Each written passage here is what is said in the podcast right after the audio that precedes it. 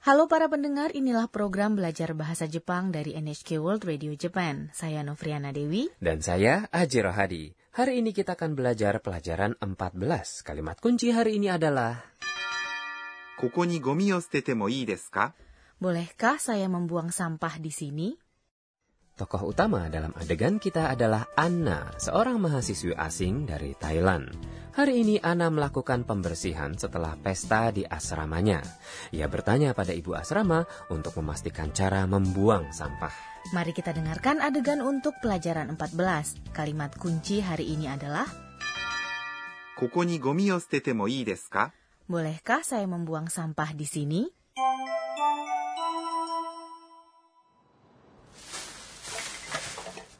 「お母さんここにゴミを捨ててもいいですかそうね。缶は別の袋に入れてください。資源ですから。はいわかりました」 Sekarang mari saya jelaskan mengenai adegan tadi. Anna bertanya kepada ibu asrama, お母さん、ここにゴミを捨ててもいいですか Ibu, bolehkah saya membuang sampah di sini? お母さん、 Adalah ibu.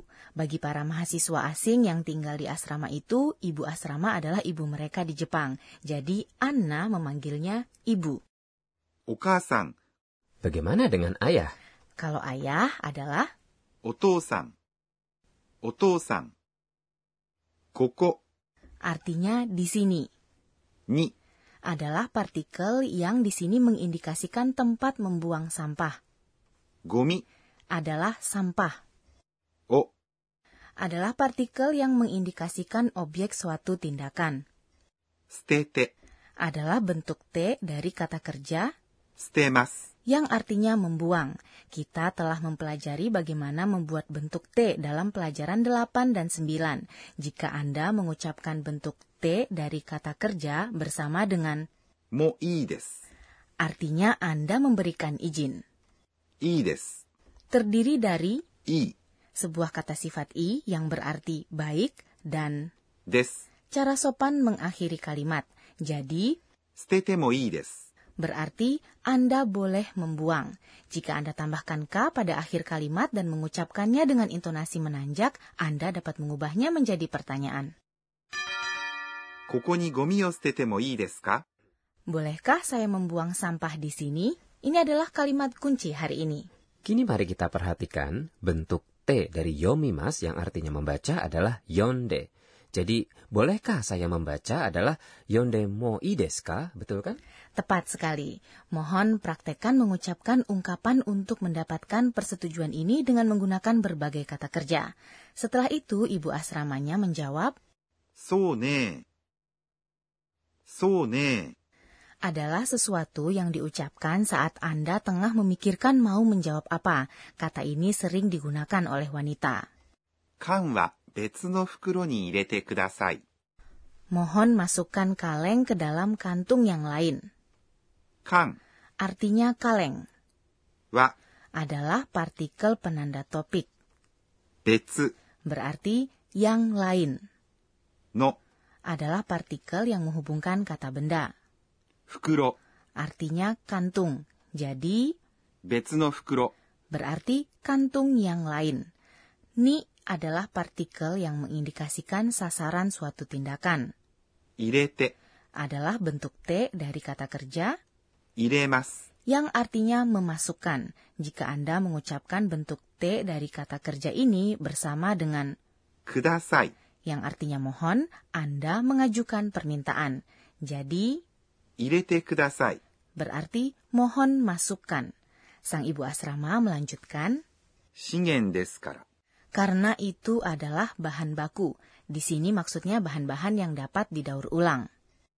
資源、 Dalam hal ini bahan-bahan yang dapat didaur ulang. Des adalah cara sopan untuk mengakhiri kalimat. Dan から、 dalam hal ini artinya karena mengungkapkan alasan. Benda-benda seperti majalah, kaleng, dan botol plastik dapat didaur ulang untuk dibuat menjadi bahan baku lagi. Jadi, ini disebut shigeng, yang artinya bahan baku. Dan Anda juga harus memisahkan sampah menjadi sampah yang dapat dibakar 燃えるゴミ、 dan sampah yang tidak dapat dibakar. 燃えないゴミ、 Hari-hari dan tempat pengambilan sampah ditentukan oleh pemerintah daerah setempat, jadi para penduduk tidak boleh membuang sampahnya di luar hari-hari tersebut. Membuang sampah membingungkan bagi banyak orang asing yang tinggal di Jepang. Sistemnya begitu rumit. Kemudian Anna menjawab, はい、わかりました。 ya saya mengerti. はい、 Adalah ya, わかりました。 adalah bentuk lampau dari kata kerja わかります。 yang artinya mengerti. Kita sering mengatakan, Hai wakarimasta, saat kita diberikan perintah, nasihat, atau dimarahi. Sekarang mari kita dengarkan lagi adegan untuk pelajaran 14. Kalimat kunci hari ini adalah, ここにゴミを捨ててもいいですか Bolehkah saya membuang sampah di sini?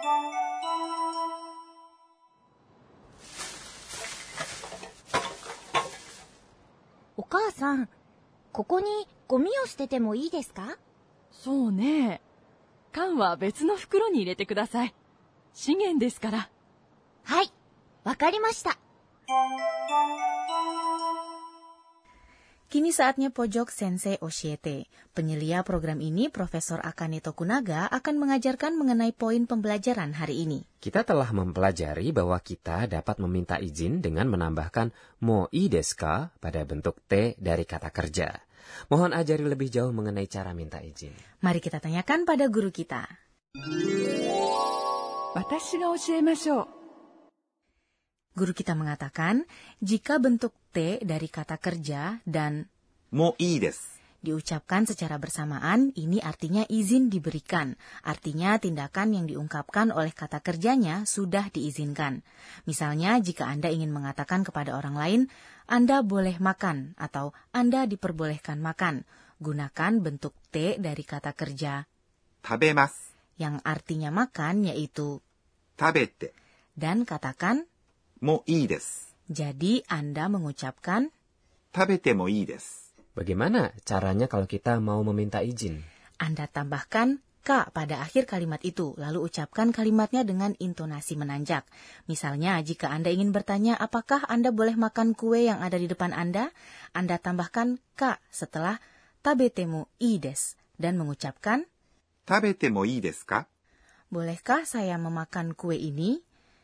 Jika orang lain memberikan Anda izin, ia akan mengatakan, どうぞ。 yang artinya silahkan. Bahkan jika Anda tidak tahu bentuk T dari kata kerja taberu, Anda dapat menunjuk ke makanan yang ingin Anda santap dan mengatakan, いいですかいいですか bolehkah?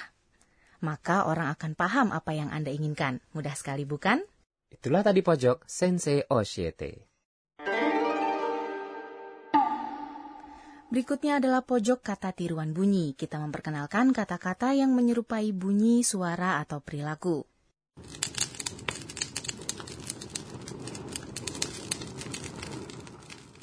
Kedengeran seperti orang tengah membuat api unggun. Dalam bahasa Jepang, kita mengungkapkan suara sesuatu terbakar seperti ini. パチパチ。 Patch patch. Kita juga menggambarkan suara bertepuk tangan seperti patch patch kan? Ya, saya akan memperkenalkan beberapa kata tiruan bunyi yang mengungkapkan kobaran api. メラメラ。 Merah-merah. Saat Anda mengatakan ini seperti apa ya apinya? Apinya menjilat-jilat dengan ganas. メラメラ。 Juga mengungkapkan saat Anda tengah sangat cemburu akan seseorang atau terbakar oleh semangat juang. Merasa merah-merah karena cemburu cukup mengerikan ya. Dan sekian kata tiruan bunyi hari ini. Kita memperkenalkan パチパチ。 dan メラメラ。 Sebelum nutup perjumpaan, Anna mengingat kembali kejadian hari ini dan membuat catatan. Inilah pojok catatan si Anna. えーっと今日は ada aturan-aturan terperinci untuk memisahkan sampah. Kita harus membilas kaleng dan botol plastik sebelum membuangnya. Saya akan berusaha sebaik mungkin sehingga ibu asrama akan memuji saya. Apakah Anda menikmati pelajaran 14? Kalimat kunci hari ini adalah, ここにゴミを捨ててもいいですか Bolehkah saya membuang sampah di sini? Ikutilah episode kami selanjutnya.